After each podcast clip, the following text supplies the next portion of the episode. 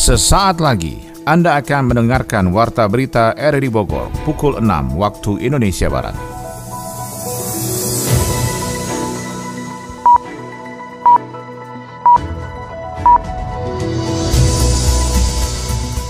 Selamat pagi dan salam jumpa. Kembali kami hadir dalam Warta Berita edisi hari ini, Rabu 8 Maret 2023. Siaran kami bisa Anda dengarkan lewat audio streaming di RRI Play dan bisa Anda dengarkan juga di audio on demand di Spotify, Anchor, Portal, dan Google Podcast. Berita utama pagi ini adalah Polres Sukabumi mengungkap kasus investasi bodong yang merugikan korban hingga miliaran rupiah. Menawarkan investasi atau mengajak melakukan investasi melalui media sosial dengan iming-iming keuntungan Majelis Ulama Indonesia Kabupaten Bogor mendukung penutupan tempat hiburan malam selama bulan suci Ramadan. Ya hemat saya ketika pertanyaan THR wajib diperintahkan tutup. Pengguna jalan alternatif Ciawi Caringin memprotes pungutan tarif melintas sebesar Rp2.000. Kita butuh jalan alternatif karena kan kita kerja tiap hari lewat situ. Masa harus dipungut kita kan lewat mana lagi kalau situ. Saya Maulana Esnarto, inilah Warta Berita selengkapnya.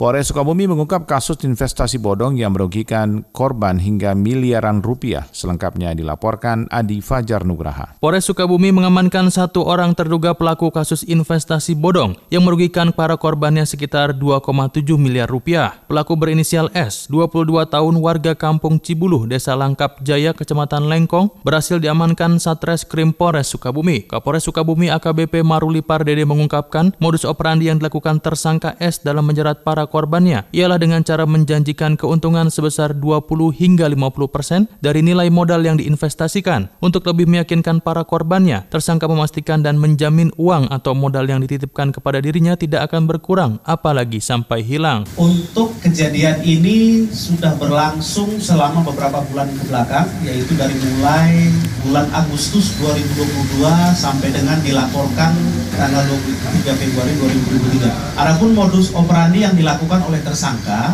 yaitu menawarkan investasi atau mengajak melakukan investasi melalui media sosial dengan iming-iming keuntungan yang pertama adalah mendapatkan profit 20% sampai 50%. Kemudian untuk modal itu tidak hilang. Itu modus operandi yang dilakukan dan diberikan iming-iming kepada para uh, korban. Kepada polisi, korban mengaku telah menjalankan investasi bodong tersebut sejak Agustus 2022.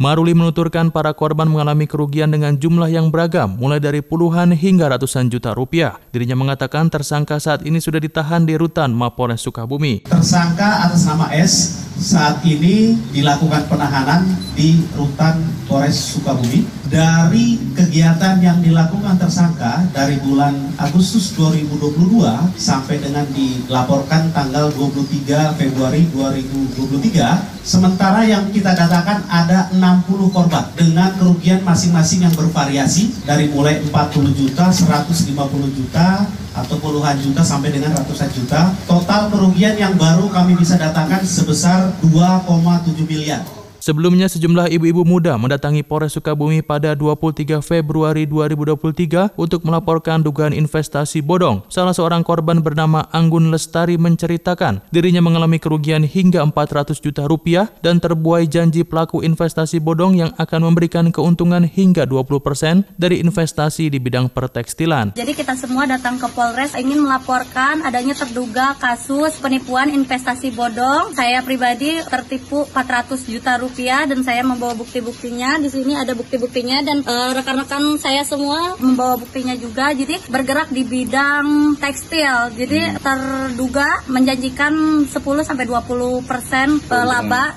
ya dari yang apa yang kita investasi. Dalam kasus ini tersangka S dijerat dengan pasal 372 dan 378 KUHP tentang penipuan dan penggelapan dengan ancaman pidana penjara 4 tahun. Polres Sukabumi mengimbau masyarakat untuk lebih berhati-hati terhadap praktek investasi bodong dengan berbagai macam modus operandi. Sementara itu Polres Bogor membekuk pelaku pengoplos gas LPG bersubsidi di Desa Pasir Angin, Kecamatan Cilengsi. Yofri Haryadi melaporkan. Jelang bulan Ramadan, Polsek Cilengsi Polres Bogor membekuk pelaku pengoplos gas LPG bersubsidi di Desa Pasir Angin, Kecamatan Cilengsi, Kabupaten Bogor. Ada tujuh orang tersangka, satu di antaranya masuk dalam daftar pencarian orang Polres Bogor. Operasi tersebut berdasarkan informasi awal keluhan warga akibat langkanya LPG bersubsidi 3 kg di Pasir Angin, Cilengsi, Bogor. Setelah dilakukan pendalaman, ternyata jenis tabung bersubsidi banyak yang dipindahkan ke tabung non-subsidi 12 kg yang mengakibatkan kelangkaan tabung LPG 3 kg di pasaran. Kasih Humas Polres Bogor Ibtu Desitriana mengatakan 200 tabung gas LPG subsidi dan 228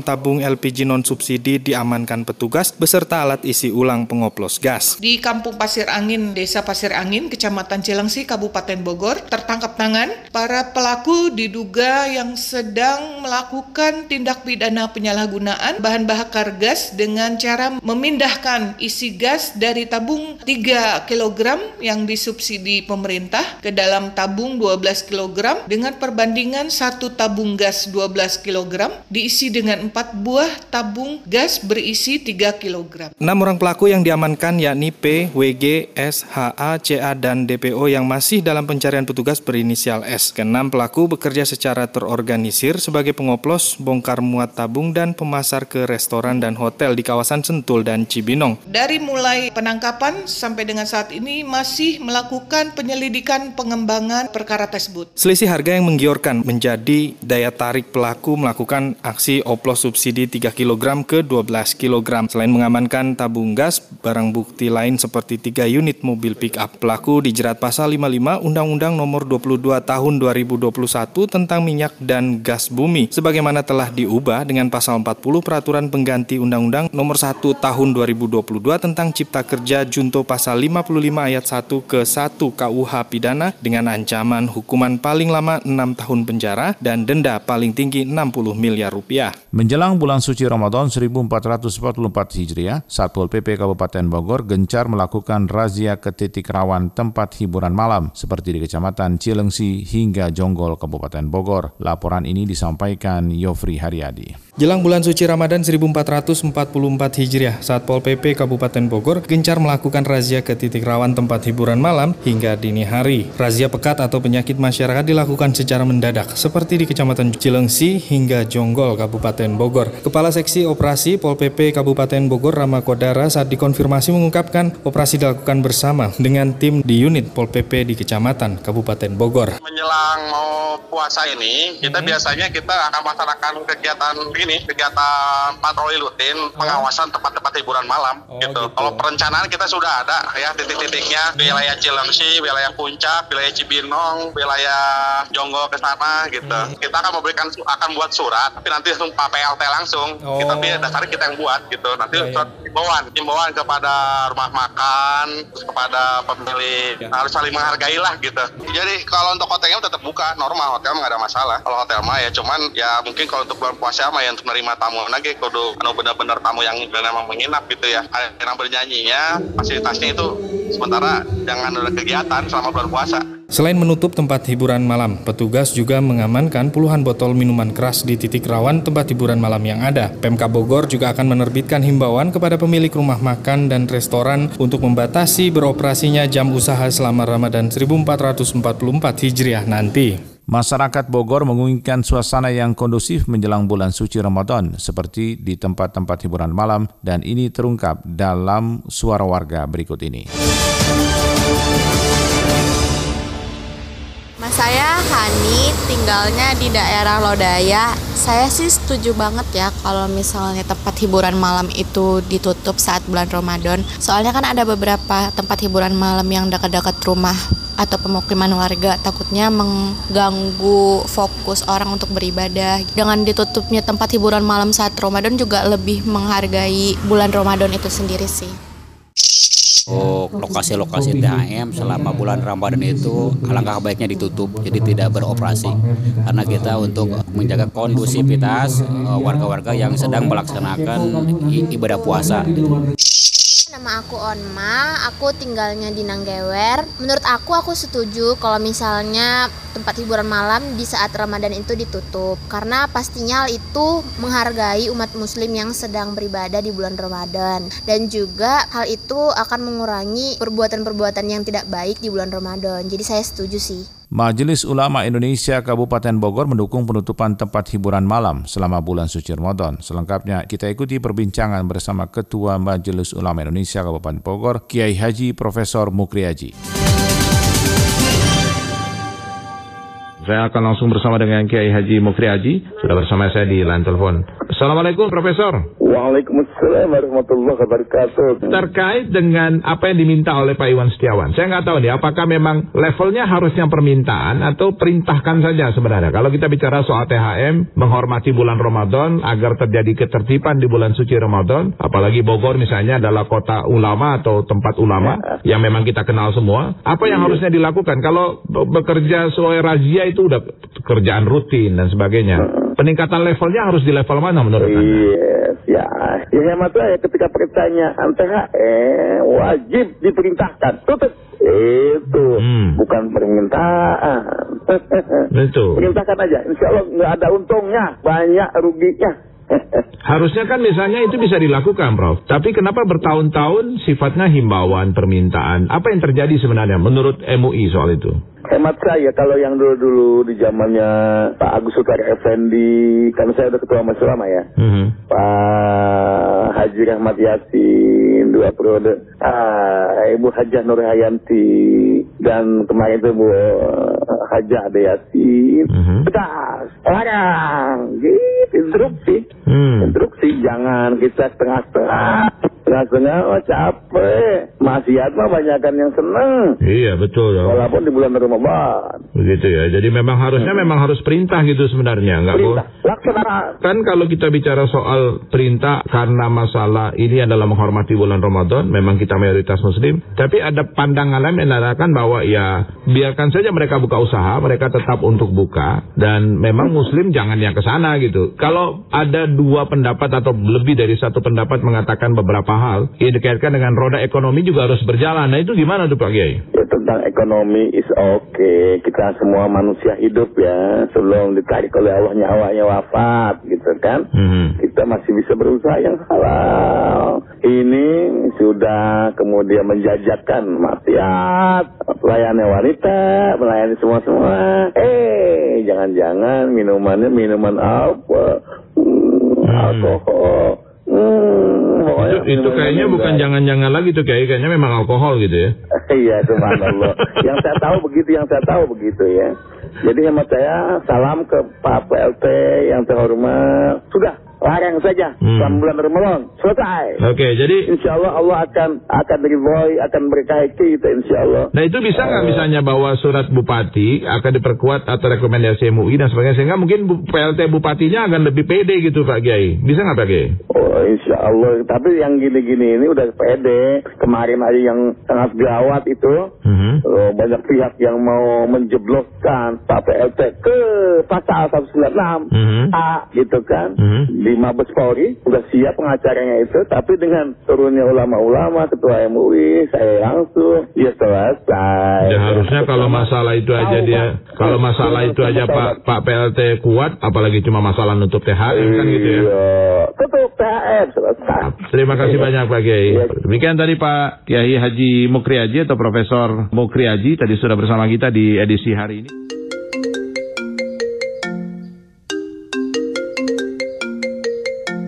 Halo, kita jadi nonton gak? Jadi dong, nanti aku jemput ya. Mah, pinjem mobil ya.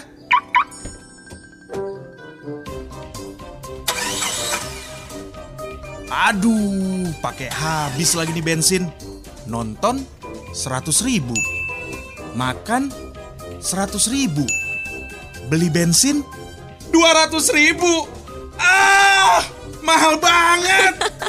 Bingung uang habis di bensin? Naik transportasi umum aja, aksesnya mudah, fasilitasnya nyaman, minim polusi, dan yang paling penting, tarifnya ramah di kantong. Yuk, transportasi umum menunggumu. Udah sampai nih. Yuk turun yuk. Pengguna jalan alternatif Ciawi Caringin memprotes pungutan tarif melintas sebesar Rp2.000 mengatasnamakan kerusakan jalan. Yofri Haryadi melaporkan. Akses jalan alternatif dari arah Ciawi menuju Caringin dan sebaliknya diprotes warga lantaran warga di Jalan Cibolang, Desa Teluk Pinang, Kecamatan Ciawi memasang spanduk berisikan pungutan tarif melintas di jalan lingkungan mereka sebesar Rp2.000. Pungutan dengan dalih untuk perbaikan jalan itu pun mendapat reaksi para pengguna jalan yang selama ini melewati Jalan Cibolang, Ciawi menuju Caringin, Bogor. Dengan tarif 2000 sangat keberatan lah apalagi kan kondisinya kan kita kesulitan ya, kesulitan berkendara, udah kesulitan berkendara di tarif 2000 ya sangat keberatan banget. Harusnya ya, ya harusnya nggak ada penguatan penguatan biaya itu. membantu intinya saling membantu aja karena kan kita butuh jalan alternatif karena kan kita kerja tiap hari lewat situ masa harus dipungut kita kan lewat mana lagi kalau lewat situ Seperti diketahui, selama proses perbaikan Jalan Cikretek, arus lalu lintas dialihkan ke jalan lingkungan warga yang berimbas pada macet dan padatnya arus lalu lintas di jalan tersebut. Dengan mengatasnamakan kerusakan jalan, oknum warga membentangkan spanduk berisikan tarif melintas di Jalan Cibolang, Desa Teluk Pinang, Kecamatan Ciawi. Kapolsek Ciawi, Kompol Agus Hidayat mengungkapkan, pihaknya sudah menginstruksikan untuk mencopot spanduk dan melarang adanya pungutan dalam bentuk apa pun kepada pengguna jalan yang melintas. Saya sudah hampir ke Bu Ides. Udah kita, kita sudah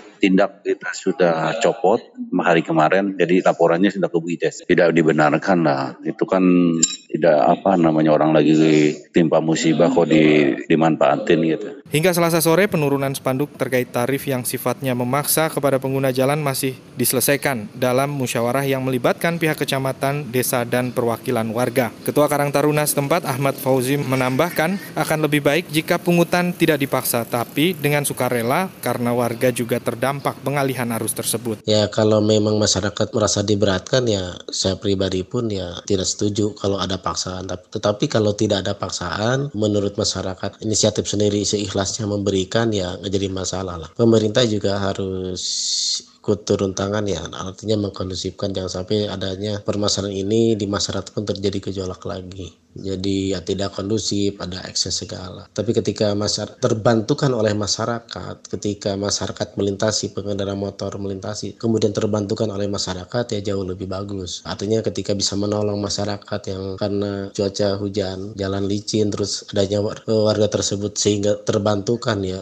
sangat membantu sebetulnya. Sementara itu, Kapolsek Ciawi dan jajarannya telah membuat laporan terkait gejolak tersebut dan mengumpulkan beberapa oknum warga yang menginisiasi pungutan liar di jalan alternatif Ciawi Caringin, Bogor untuk dicarikan jalan tengahnya. Forkopimcam Parung siap mengamankan jalannya Pilkades demi terciptanya demokrasi yang sehat di tingkat desa. Adi Fajar Nugraha melaporkan. Persiapan menjelang pemilihan kepala desa Pilkades di Desa Waru, Kecamatan Parung, Kabupaten Bogor terus dimatangkan oleh panitia setempat. Tahapan demi tahapan sudah dilaksanakan mulai dari pengambilan nomor urut kandidat, jadwal kampanye, hingga kepada waktu pemilihan pada tanggal 12 Maret 2023. Adapun untuk Desa Waru terdapat lima calon kepala desa yang sudah siap untuk menggantikan kepala desa yang tidak lama lagi akan usai masa tugasnya. Camat Parung, Adi Hendriana mengatakan saat ini tahapan pilkada sudah masuk dalam masa kampanye. Masing-masing peserta telah mendapatkan jadwal kampanye untuk disosialisasikan kepada warganya. Alhamdulillah di Kecamatan Parung ini ada salah satu desa yaitu Desa Waru yang insya Allah akan melaksanakan Pilkades di tanggal 12 Maret 2023. Persiapan tahapan-tahapan sudah dilaksanakan, saat ini sudah memasuki tahapan pelaksanaan kampanye. Ada lima calon yang akan melaksanakan kegiatan kampanye. Mudah-mudahan berjalan sesuai dengan apa yang kita harapkan. Dalam mewujudkan pesta demokrasi di tingkat desa itu, Adi mengaku telah berkoordinasi dengan Forum Komunikasi Pimpinan Kecamatan atau Forkopimcam, yakni dengan Polsek dan Koramil untuk melakukan pengamanan agar Pilkades berjalan dengan lancar. Forkopimcam Parung nantinya akan memploting petugas di tiap TPS untuk menjaga kondusivitas Pilkades. Sudah berkoordinasi dengan Muspika, dengan Pak Kapolsek, Pak Dan Ramil, bahwa kita senantiasa selalu bersinergi, bekerja sama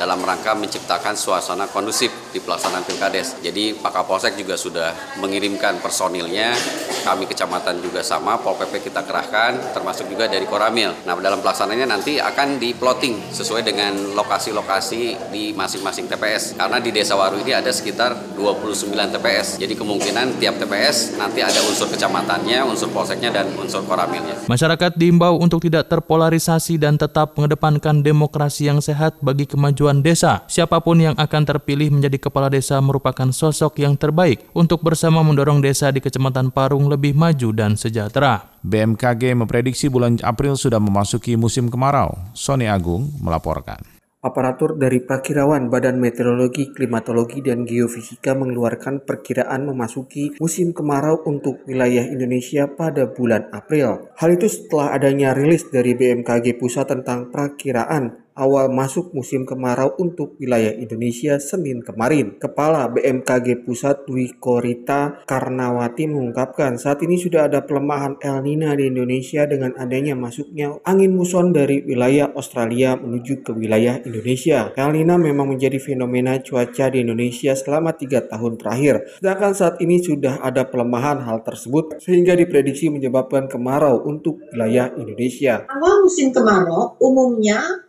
berkaitan erat dengan peralihan angin baratan atau monsun Asia, yaitu angin yang bertiup dari arah benua Asia menuju ke benua Australia melintasi wilayah kepulauan Indonesia.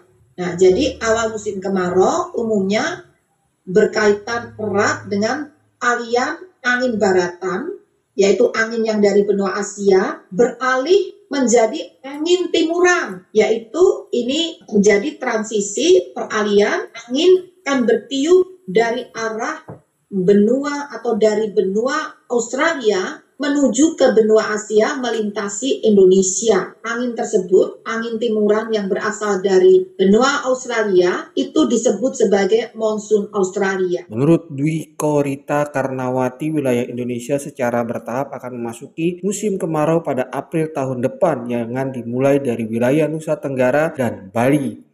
Kemudian secara bertahap pada bulan Mei Juni akan memasuki wilayah Jawa bagian timur hingga barat untuk kemudian menuju Sumatera dan Kalimantan untuk menyebar ke seluruh wilayah Indonesia. BMKG memprediksi awal musim kemarau terjadi seiring aktifnya monsun Australia pada bulan April 2023 yang akan dimulai dari wilayah Nusa Tenggara dan Bali. Jadi angin Musim kemarau ini diawali dengan bertiupnya angin dari arah benua Australia yang akan dimulai dari wilayah Nusa Tenggara dan Bali pada bulan April 2023. Lalu disusul terjadi di wilayah Jawa, kemudian berkembang hampir di seluruh wilayah Indonesia pada periode Mei hingga Agustus 2023. Untuk durasi musim kemarau, BMKG juga akan melakukan pemantauan secara bertahap sesuai dengan waktu yang sudah ditentukan oleh prakirawan. Sedangkan untuk wilayah Bogor termasuk Jawa Barat juga akan melakukan pemantauan awal masuk kemarau termasuk untuk mengantisipasi adanya potensi dampak negatif saat kemarau melanda.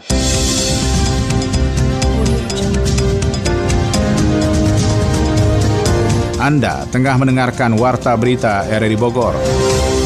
Dari dunia ekonomi, pemerintah memberikan subsidi kendaraan listrik mulai 20 Maret 2023. Tingkat pembelian LPG tabung 3 kg tahun ini diprediksi akan lebih tinggi dari tahun-tahun sebelumnya. Kita ikuti dalam info ekonomi bersama Adi Fajar Nugraha. Menko Kemaritiman dan Investasi Luhut Binsar Panjaitan menyatakan pemerintah akan memberikan subsidi kendaraan listrik mulai 20 Maret 2023. Rencananya akan ada 250 ribu motor listrik yang akan mendapatkan subsidi. Pada kesempatan yang sama, Bersama Kepala Badan Kebijakan Fiskal BKF Kementerian Keuangan Febrio Kacaribu mengatakan akan ada dua program yang diberikan pemerintah dalam rangka pemberian insentif kendaraan listrik. Pertama adalah pemberian subsidi sebesar 7 juta rupiah per unit yang disasar untuk 200 ribu unit motor listrik pada 2023. Motor listrik yang mendapatkan bantuan pemerintah adalah diproduksi di Indonesia dengan TKDN mencapai 40% persen atau lebih. Produsen motor listrik yang memenuhi kriteria persyaratan tidak menaikkan harga jual selama masa pemberian bantuan dan berkomitmen memperbaiki memproduksi sepeda motor dalam jumlah tersebut. Selain itu, subsidi juga diberikan untuk motor konversi dari BBM ke listrik besarannya sama yaitu 7 juta rupiah per unit. Jadi bila di total pemerintah terhitung memberikan subsidi sebesar 7 juta rupiah kepada 250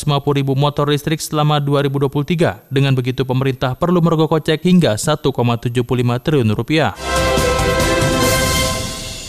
Direktur Eksekutif Center of Reform on Economic Muhammad Faisal memperkirakan tingkat pembelian liquid petroleum gas atau LPG tabung 3 kg tahun ini akan lebih tinggi dari tahun-tahun sebelumnya. Ramalan defisit gas melon itu berpijak pada kenaikan inflasi domestik yang dibarengi dengan penurunan daya beli masyarakat. Di sisi lain, Faisal mengatakan upaya pemerintah untuk mulai melakukan penghimpunan data hasil verifikasi identitas penerima manfaat relatif sulit dilakukan. Alasannya data kemiskinan yang dimiliki antara kementerian dan lembaga saling tidak sinkron Konsekuensinya, sering terjadi kesalahan dalam penyaluran subsidi tidak langsung tersebut. Sebagai konteks, Subholding Commercial and Trading PT Pertamina Persero Pertamina Patra Niaga hanya mengalokasikan kuota LPG 3 kg sebanyak 8 juta metrik ton di tahun ini. Angka itu diperoleh dari realisasi konsumsi sepanjang 2022 yang berada di kisaran angka tersebut. Kendati demikian, Korporat Sekretari Pertamina Patra Niaga Irto Ginting mengatakan, perseroannya turut memperhatikan potensi konsumsi gas melon itu yang melebihi alokasi kuota kuota yang ditetapkan. Irto berharap pendataan lewat verifikasi identitas penerima manfaat dapat mengurangi potensi salah sasaran subsidi tersebut di tahun ini.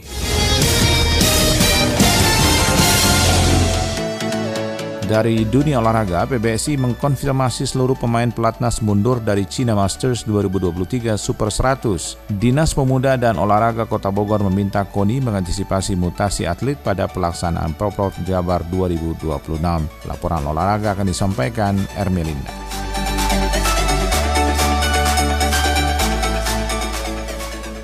Kepala Dinas Pemuda dan Olahraga Kota Bogor Heri Karnadi meminta KONI untuk bisa mengantisipasi mutasi atlet pada pelaksanaan Porprov Jabar 2026, di mana di tahun tersebut Kota Bogor sudah dipastikan menjadi tuan rumah. Menurut Heri, mutasi atlet atau pembelian atlet dari daerah luar untuk memetik prestasi di kota hujan tidaklah membuat bangga Pemkot Bogor. Melalui Dispora juga sangat menyayangkan bonus yang diberikan nantinya didapatkan atlet dari luar daerah bukan murni putra-putri daerah. Cabang olahraga sendiri sudah saatnya harus jeli dan untuk meregenerasi merekrutasi atlet serta merekrut atlet potensial saat ini masih banyak waktu menuju 2026.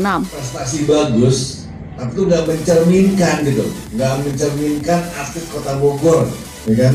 Sampai sekarang sih ah, masih ada lah yang satu dua mungkin pengcap ya Mas Ben ya, yang mungkin dari luar masih dari pasukan beli kah mau apa gitu. Tapi kalau memang itu dapat sebagian besar muka kota Bogor, itu uang yang dikeluarkan itu nggak akan ke mana-mana gitu. Karena akan spendnya di kota Bogor juga.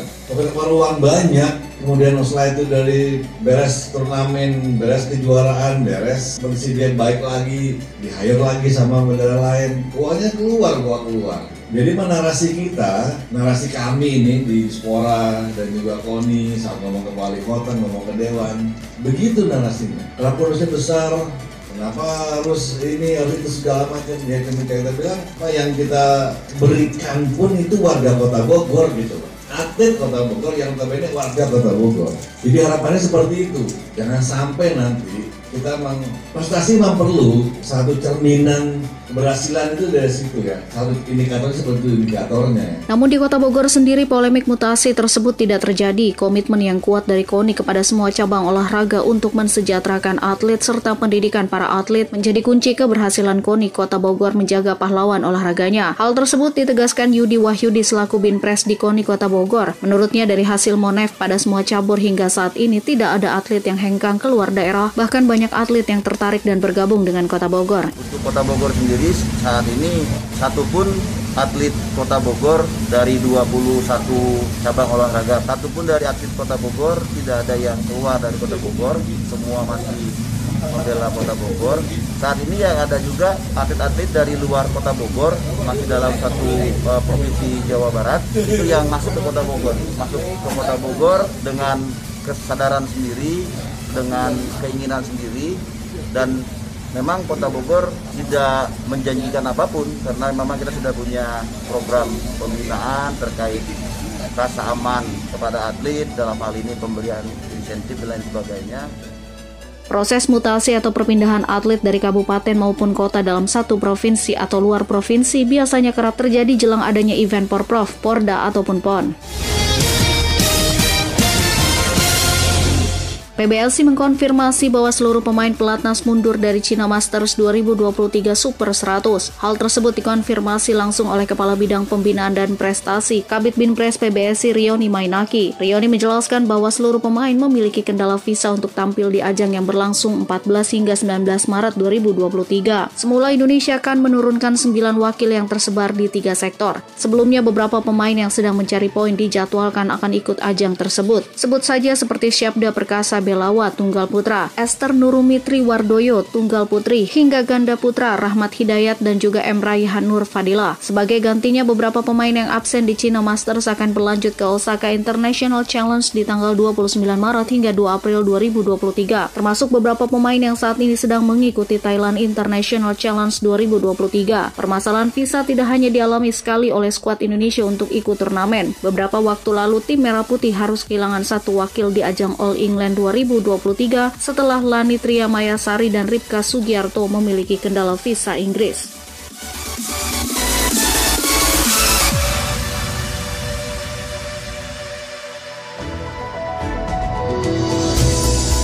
Demikian rangkaian informasi yang kami hadirkan dalam Warta Berita di edisi hari ini. Sebelum berpisah, kami kembali sampaikan berita utama. Polres Sukabumi mengungkap kasus investasi bodong yang merugikan korban hingga miliaran rupiah. Majelis Ulama Indonesia Kabupaten Bogor mendukung penutupan tempat hiburan malam selama bulan suci Ramadan. Pengguna jalan alternatif Ciawi Caringin memprotes pungutan tarif melintas sebesar Rp2.000. Mewakili kerabat kerja bertugas, saya Maulana Estato mengucapkan terima kasih. Selamat pagi.